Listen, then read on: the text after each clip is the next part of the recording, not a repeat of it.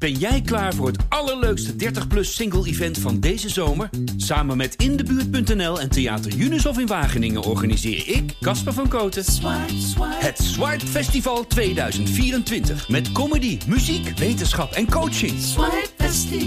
Maar vooral heel veel leuke mensen. Bestel nu je kaart op swipefestival.nl. Swipe, swipe. Het is net een, eh, een kudde wolven, een groep wolven. Ze vallen een prooi aan, ze trekken hem helemaal leeg en dan vallen ze elkaar weer aan. Dat zijn gelegenheidsformaties. En dat is typerend voor alles waar Botemans mee te maken heeft. Iedereen is fout, behalve de slachtoffers. En als ze iemand hebben leeggezogen, dan gaan ze elkaar te lijf.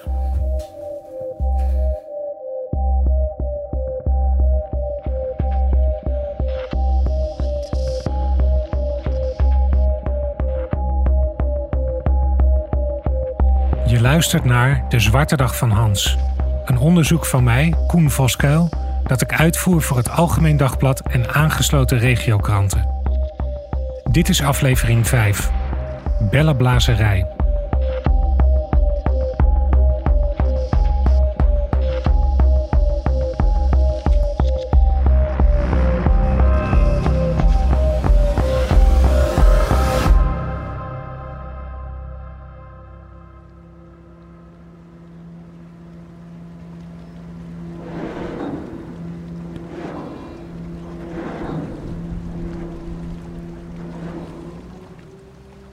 Pakken misschien wel de kortste pont van Nederland naar het eiland De Woude in het Alkmaardermeer. We stappen een andere wereld in van pittoreske boerderijen en een klein kerkje. De huizen zijn voorzien van gevelstenen waarop een lokale kunstenaar de beroepen van de bewoners heeft geschilderd. Hey David, goeiedag. Hey Jan. We stoppen bij een woning waarop een echtpaar in toga staat afgebeeld. Met eronder de tekst Cum grana salis, Latijn voor met een korreltje zout. Een Russische hond. Hij wordt twee keer zo groot. Samen met David de producer sta ik in de voortuin van Hendrik Jan Bos, waar een beer van een hond ons in de gaten houdt. Het is een reusachtige Caucasische herder, een ras dat gefokt is om schapen te beschermen tegen beren. De bijtkracht is twee keer zo groot als die van een dobberman, vertelt de advocaat. Omdat ik hou van eigenwijze honden. En niet van hond slachtoffer. De woning van Bos laat zich het best beschrijven als een lounge waar je als vanzelf in een leren fauteuil neerploft om sigaren te roken en whisky te drinken. Bos zelf is een markante persoonlijkheid die gekleed gaat in een gilet met bijna middeleeuwse knopen boven een camouflagepantalon. Onze gastheer op dit eiland, Hendrik Jan Bos, stond in 2021 een cliënt bij in een grote oplichtingszaak. Dat was transportondernemer Frans Beentjes, die zijn met hard werken verdiende pensioengeld investeerde, maar gedupeerd werd. Voor ongeveer anderhalf miljoen euro. Dat is veel. Ehm, hoe is dat in zijn werk gegaan? Eh, meneer Beentjes had het volste vertrouwen in een voormalig belastingadviseur van Deloitte. En die zei, zij zei dat ze een eh, goede investeringsmethode wist. En meneer Beentjes die geloofde dat. En eh, die heeft daar geld in geïnvesteerd en dat is allemaal weg.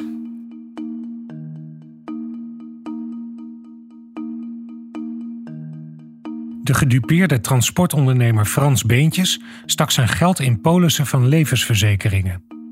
Daarnaast dacht hij te investeren in een bank in oprichting, de Gruppo Bancario del Titano. Niet een bank in Nederland, maar in het Italiaanse dwergstaatje San Marino. Dus hij dacht te investeren in een bank? Of, of- In een bank die, moest, die zou worden opgericht. Ja. En daar is geld voor nodig.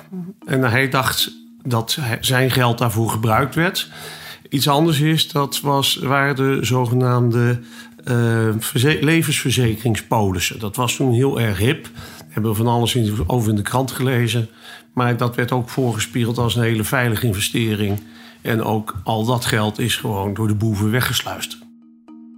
Advocaat Hendrik Jan Bos maakt zo kennis met een vrouw van wie ik de naam de afgelopen weken steeds vaker hoor.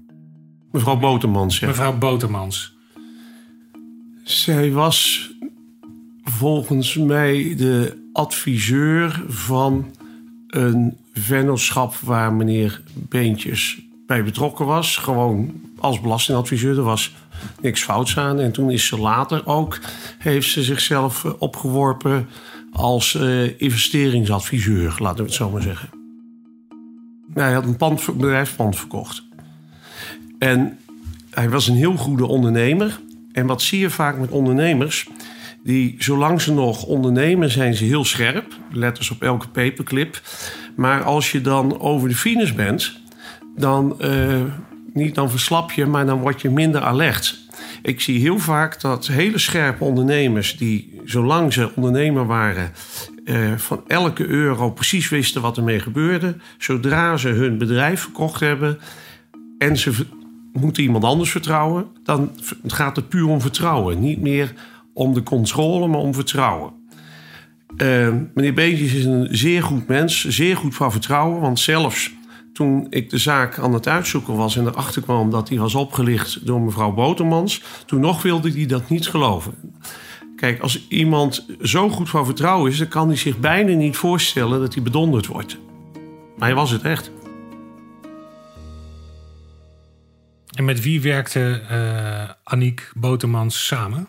Nou, met bijna iedereen met een strafblad in Nederland.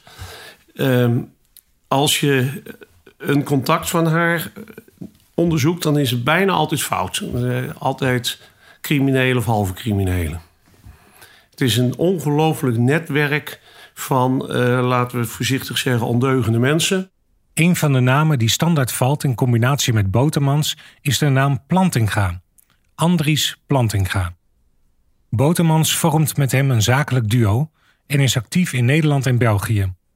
Ze doen zaken die niet zelden eindigen in de rechtszaal. In Vlaamse media worden Botermans en Plantinga daarom geduid als de Nederlandse Bonnie en Clyde. Ja, de hele aparte man zijn bij allemaal faillissementen betrokken geweest. Hebben toen een paar jaar in een kasteel in België gewoond. Waar ze op grote voet leefden. Allemaal Porsches en Ferraris voor de deur. En uh, ik, noemde, ik noemde ze een keer minnaars, maar ik weet niet, denk niet dat ze dat geweest zijn. Maar ook dat was een heel aparte man. Ik heb hem meerdere keer aan de telefoon gehad. En de ene keer zei hij dat hij heel rijk was. En miljoenen na zou laten om mij te laten vermoorden. Door huurmoordenaars. En de andere keer zei hij: Ik leef van de AOW, ik heb geen cent. Het is nog wel een vreemde figuur. Als advocaat Bos zich stort op de zaak van Frans Beentjes, komt hij steeds meer te weten over het roemruchte verleden van Plantinga en Botemans. Ik weet dat Botemans en Plantinga meerdere vastgoedtransacties hebben. Met name het ging volgens mij om landbouwgrond dat verkocht was en noem maar op.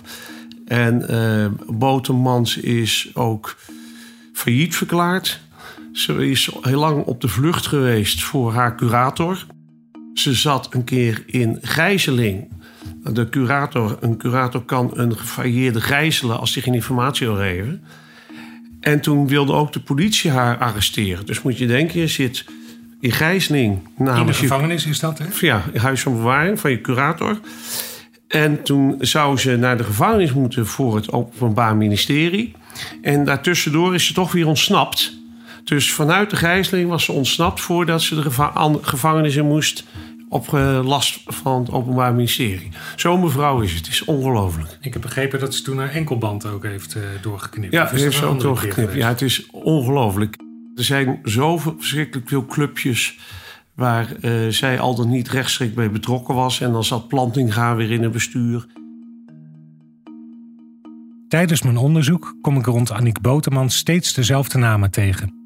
Een voorbeeld is Hendrik Jan Gorter, die Hans van de Ven een nieuwe hypotheek verstrekte. Hij kent Boterman zo bijna 20 jaar. Ook zo'n terugkerende naam, notaris Pieter Planting uit Emmen. Niet te verwarren met haar zakelijke partner Andries Planting-Ga.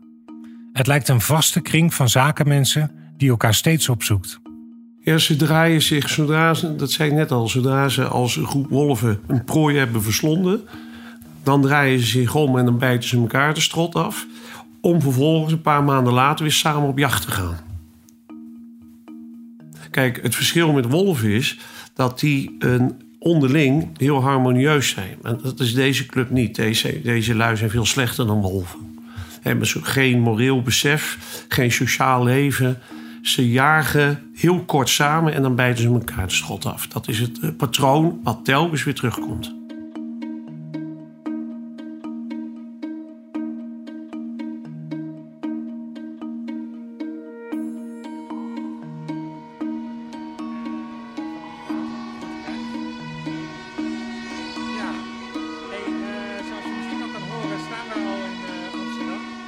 Naast Hendrik Jan Bos zoek ik die dag ook contact met iemand met wie ik midden in Amsterdam afspreek. We stappen een gebouw binnen waar we belanden op de net gerenoveerde redactievloer van het Financiële Dagblad. En wil je, en wil je dat ik uh, kort antwoord wat uh, de rantsoen is bij BNR? Nee, nee hoor. ik heb afgesproken met een gerenommeerde journalist van het FD, Vasco van der Boon. De afgelopen jaren heeft hij veel onderzoek gedaan naar Aniek Botermans en er ook gesproken. Vasco vindt het niet erg om mij, toch een concurrent, verder te helpen in deze zaak. Bij Botermans en consorten. Um, het is een hele club van mensen die uh, uh, bijna allemaal een smetje hebben. Uh, bijna allemaal eens eerder zijn veroordeeld of verdachten zijn geweest in oplichtingszaken vooral. Uh, en dat is zo'n enorme brei aan uh, ja, scams, uh, trucjes, fraudes, waar die hele club bij betrokken is. Dat, um, ik krijg het allemaal niet weggewerkt in de krant. Vasco maakt voor het eerst kennis met Aniek als hij onderzoek doet naar de beursgang van Brandia. Uh, Brandia was een, uh, sportmerkenbedrijf. Het is uh, onlangs failliet verklaard. En een jaar of, wat zal het zijn, zes geleden, vijf, zes geleden, denk ik, even uit mijn hoofd. Toen waren er mensen, het zijn nu grotendeels fraudeverdachten, die wilden van Brandia, die wilden daarmee naar de beurs. Het zou een beursgang worden. Uh, een beursgang is een klassieke uh, uh, methode om een zogenaamde beursgang vooral. Dus een klassieke methode om mensen geld uit hun zak te kloppen.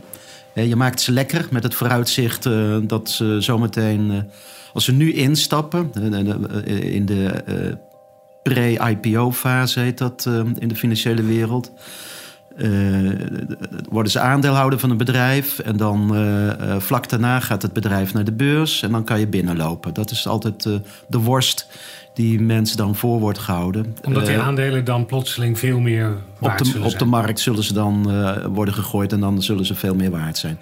Deze groep mensen heeft dat al meerdere malen gedaan. Zijn er trouwens nu ook nog met zogenaamde beursgangen bezig. En Brandia was er één van. In het prospectus stond dat Brandia uh, de rechten had voor uh, nou, Europese voetbalkampioenschappen. En voor uh, alle, de, de, de, KNVB zouden ze mee samenwerken. En de FIFA, uh, die, die, die, internationale voetbalclub. En ze zouden de, de, de, de reclamerechten van nou, allemaal grote toernooien hebben. Eh, dat was heel simpel. Bellen naar de FIFA, bellen naar de KNVB. Die hadden allemaal nog nooit van Brandia gehoord. En dat werd allemaal ontkend. Dus het was eh, gewoon een hoax. Het was uh, bellenblazerij. Een hoax, bellenblazerij. Maar voor investeerders lijkt het allemaal echt. Ze worden overtuigd met een bankgarantie van een bank in San Marino. Gruppo Bancario del Titano, zoiets. Ja. Uh, nou uh, een, een, een, bank, een San Marinese bank, met uh, vrij bijzonder, volgens de, de bankgarantie die ik in handen kreeg, ehm, vestigingsadres, notariaat het Zuiderveld in Emmen, in Nederland. De Gruppo Bancario del Titano. Vasco doet in San Marino navraag naar die bank. Nou, die bestond niet. Uh, en uh, dan heb je nog dat, dat vestigingsadres bij een notariaat het Zuiderveld in Emmen. Heel vreemd. Er was ook uh, een, een telefoonnummer van iemand in, in, in, die, in die documenten rond die vervalste bankgarantie dus.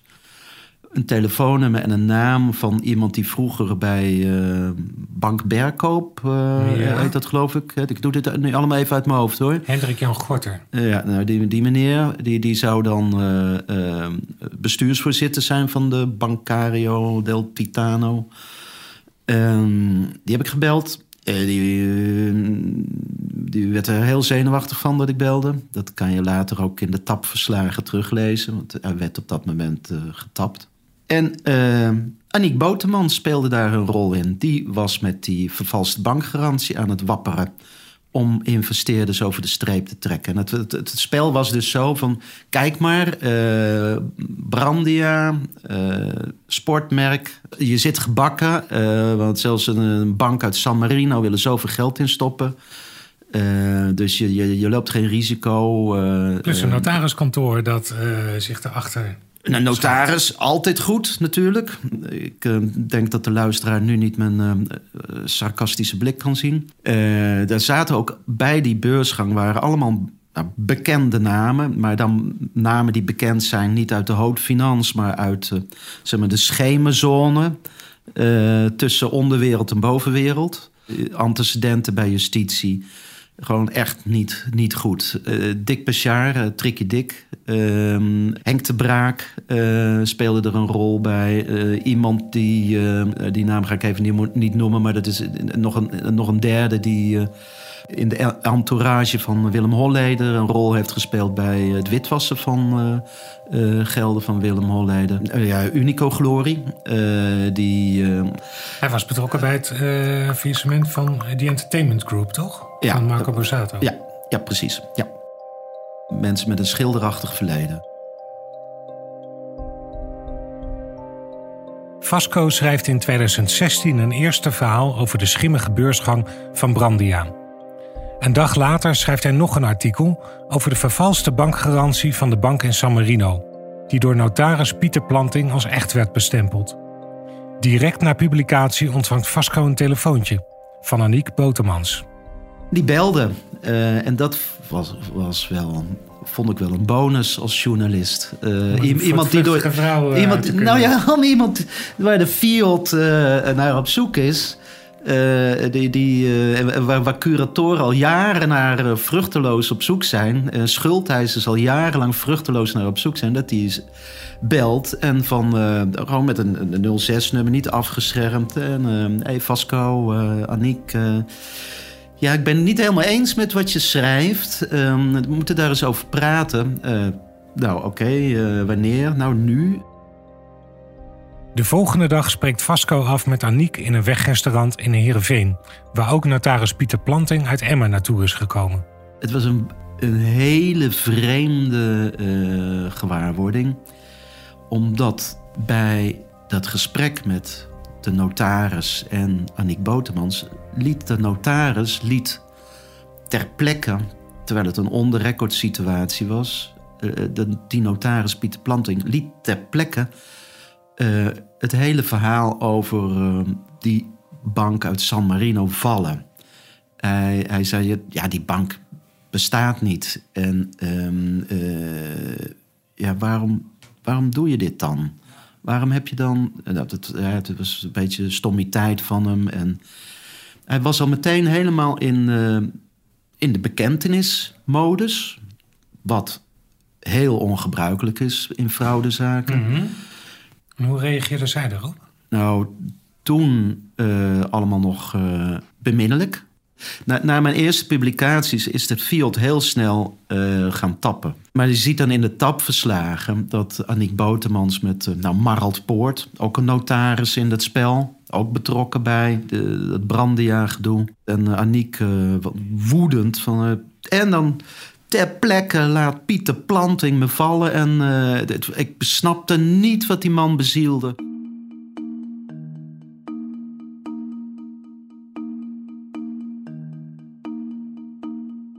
Ik heb er maar één keer echt gezien. Dat was in de rechtszaal in Zwolle. En... Ook advocaat Hendrik Jan Bos heeft een levendige herinnering aan Botemans. Ook al heeft hij haar maar één keer gezien. Het was net alsof ze keek. Het is een klein vrouwtje. En ze keek je aan met ogen alsof ze een reptiel was die haar prooi wilde verslinden. Een heel demonische uitstraling heeft ze. Maar ze moet iets heel goed kunnen, want ze heeft heel veel mensen uh, zover gekregen dat ze haar geld toevertrouwde. Kijk, alleen in de Donald Duck hebben boeven een streepjespak aan en een masker voor. Maar in dagelijks leven hebben ze meestal een pak aan. En in dit geval deze mevrouw, die kon zich blijkbaar goed presenteren. Want anders zouden mensen hun geld niet aan haar toevertrouwen.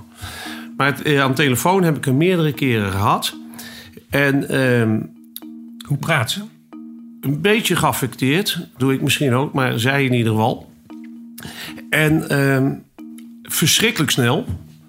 Trrr, dat hebben wel vaker mensen die bang zijn dat je ze een vraag stelt. Die praten heel snel en dan kom je er niet tussen. Ze is erg uh, fanatiek in praten en uh, heel dwingend. Uh,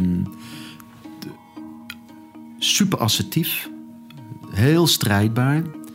Ehm, heeft een zeer goed geheugen. En je ziet dat zij in staat is om mensen te manipuleren en haar wil aan hen op te leggen. En dat weet ze iedere keer weer bij nieuwe mensen te doen. En het zijn ook steeds wel mannen die ze uh, om haar vingers weet te winden. Ja, hoe dat zit, weet ik niet.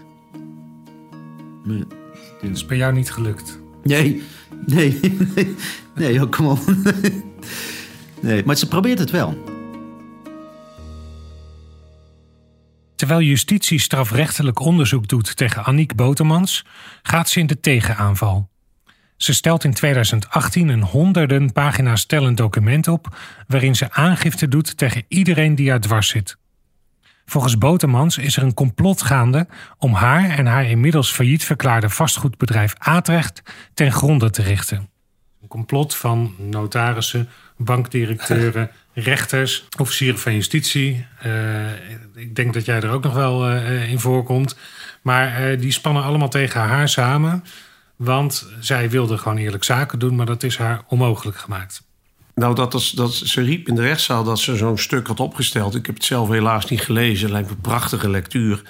Maar ehm, soms worden mensen die, laten we zeggen, een beetje ondeugend zijn... die worden op plaats ook redelijk gek. Want waarom zouden nou s ochtends in Nederland overal officieren justitie, rechters en andere mensen wakker worden en denken: Weet je wat we gaan doen? We gaan een complot maken tegen mevrouw Botermans. Mevrouw wie? Mevrouw Botermans. Dat gaan we doen. Het slaat helemaal nergens op. Het mens heeft een spoor van oplichtingen achter zich gelaten. En die voelt zich nou opgejaagd. Maar dat er een complot zou zijn, uh, dat lijkt me trek voor woorden. Wil je weten wat ik ervan vind?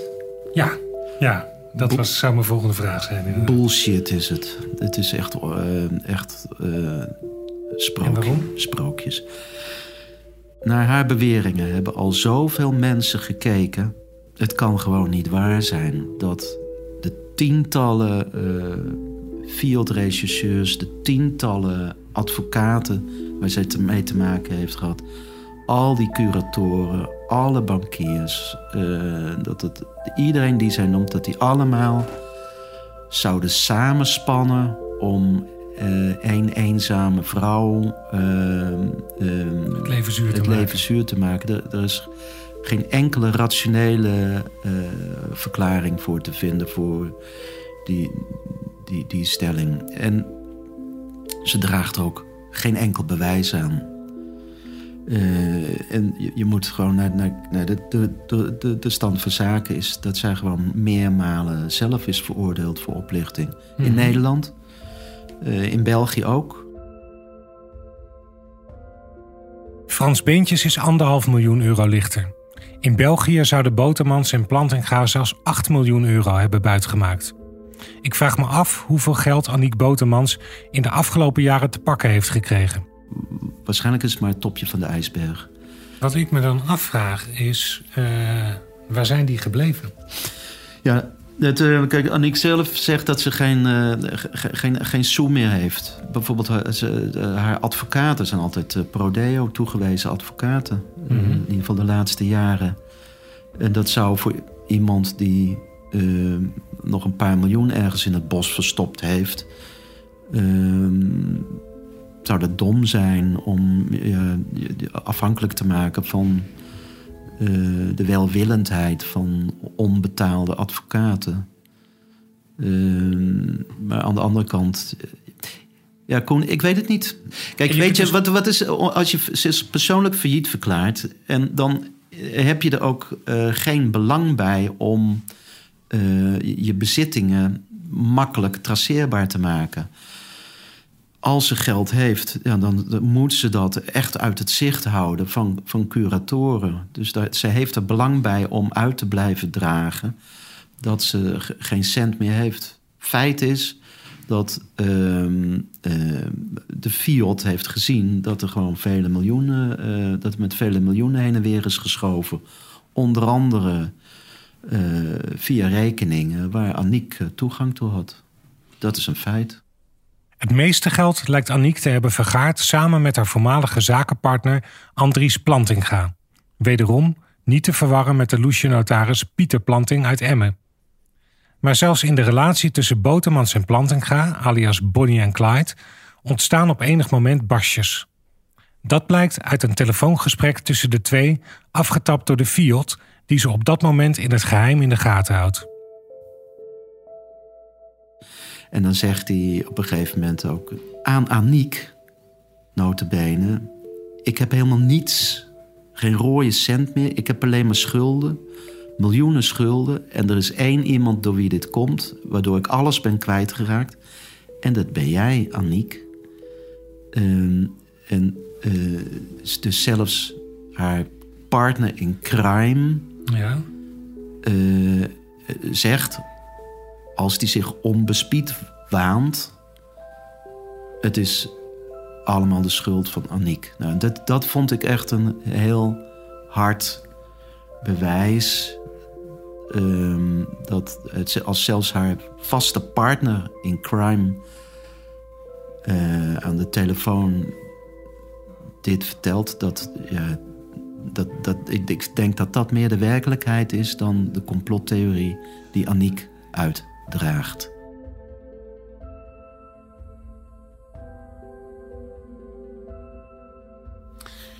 Plantinga is uh, in 2017 overleden in zijn huis.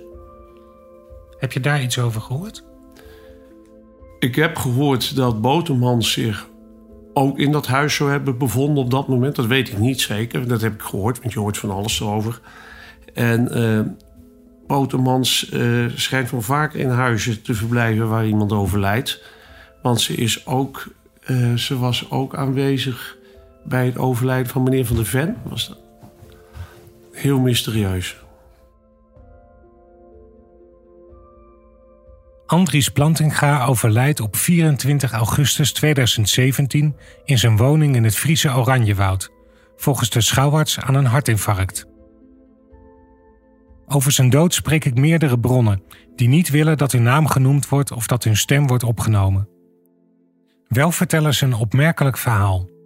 Als Plantinga na zijn overlijden wordt gevonden, zijn in de woning familie en ook twee vriendinnen aanwezig. Dan verschijnt Aniek Botemans, die kennelijk jaloers reageert op een van de vriendinnen.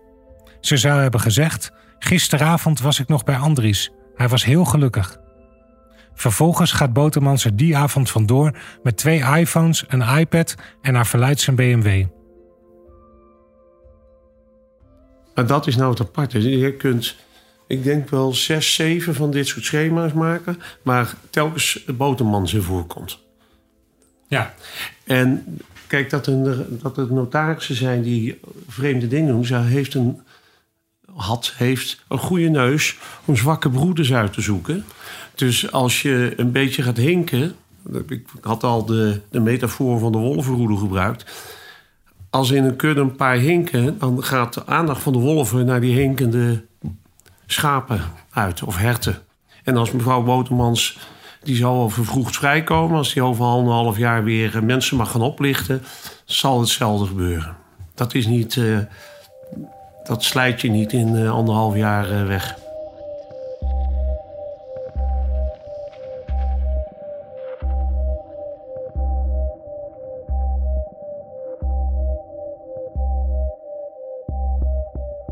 In de volgende aflevering van De Zwarte Dag van Hans spreek ik twee zakenpartners uit het netwerk van Botemans.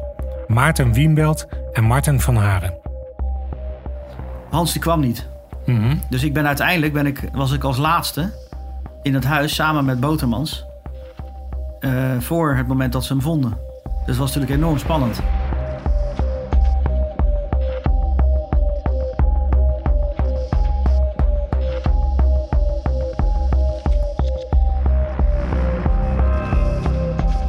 Dit was de vijfde aflevering van De Zwarte Dag van Hans, een podcast voor het Algemeen Dagblad en aangesloten regiokranten. Gepresenteerd door mij, Koen Voskuil, en geproduceerd door David Achter de Molen van het podcastkantoor. Eindredactie is gedaan door Kevin Goes. Korte disclaimer. Hoewel we ook onderzoek doen naar andere scenario's, gaat justitie er vooralsnog vanuit dat Hans van der Ven een natuurlijke dood is gestorven. Er zijn dan ook geen verdachten in deze zaak. Wederhoor met de belangrijkste betrokkenen volgt later in deze podcastserie. Vind je dit een interessante zaak? Abonneer je dan gratis op de podcast om ook de volgende afleveringen niet te missen. En laat vooral een review achter, zodat we beter vindbaar worden voor nieuwe luisteraars. Wil je de volgende aflevering al eerder luisteren? Ga dan naar ad.nl/slash zwartedag of de site van jouw regiokrant slash zwartedag.